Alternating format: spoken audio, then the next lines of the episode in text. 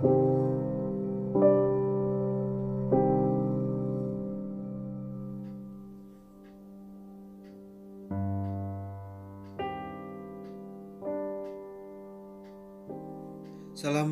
warahmatullahi wabarakatuh.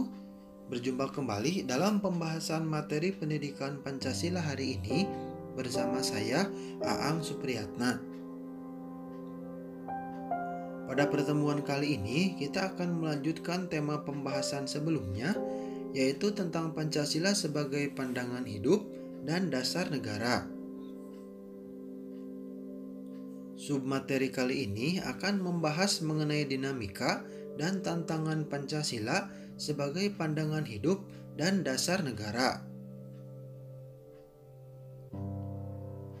Seperti yang telah dibahas sebelumnya bahwa Pancasila sebagai pandangan hidup bangsa merupakan kristalisasi nilai-nilai luhur yang hidup dalam masyarakat Indonesia. Pandangan hidup yang dimiliki bangsa Indonesia bersumber pada akar budaya dan nilai-nilai religius sebagai keyakinan bangsa Indonesia. Adapun dinamika Pancasila sebagai pandangan hidup dan dasar negara dapat kita telusuri dari bentang sejarah dari masa ke masa.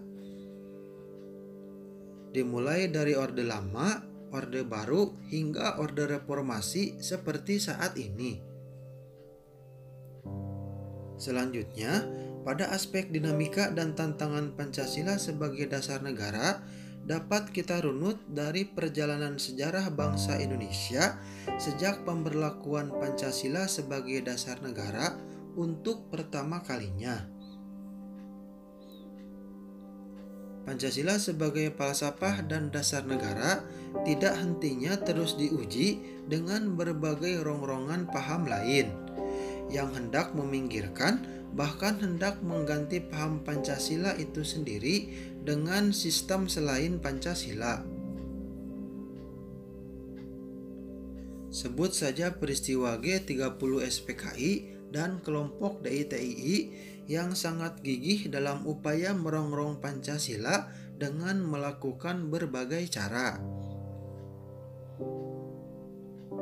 Tantangan terhadap Pancasila berikutnya adalah realitas yang terjadi saat ini lebih cenderung mengarah pada krisis keteladanan dengan kurang mencerminkannya sikap kenegarawanan yang ditunjukkan oleh para pemimpin.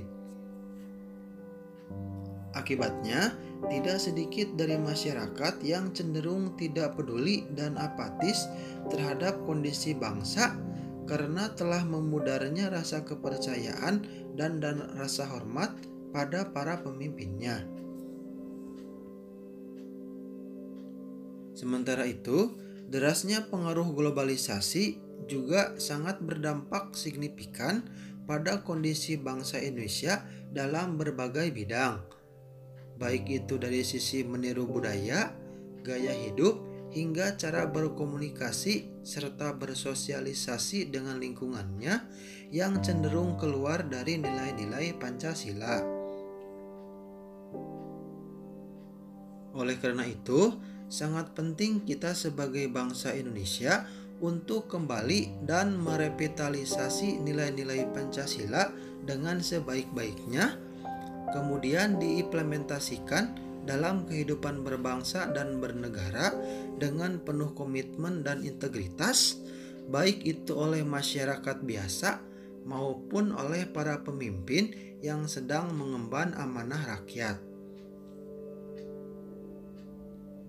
Demikian pembahasan materi kali ini. Terima kasih telah menyimak. Assalamualaikum warahmatullahi wabarakatuh.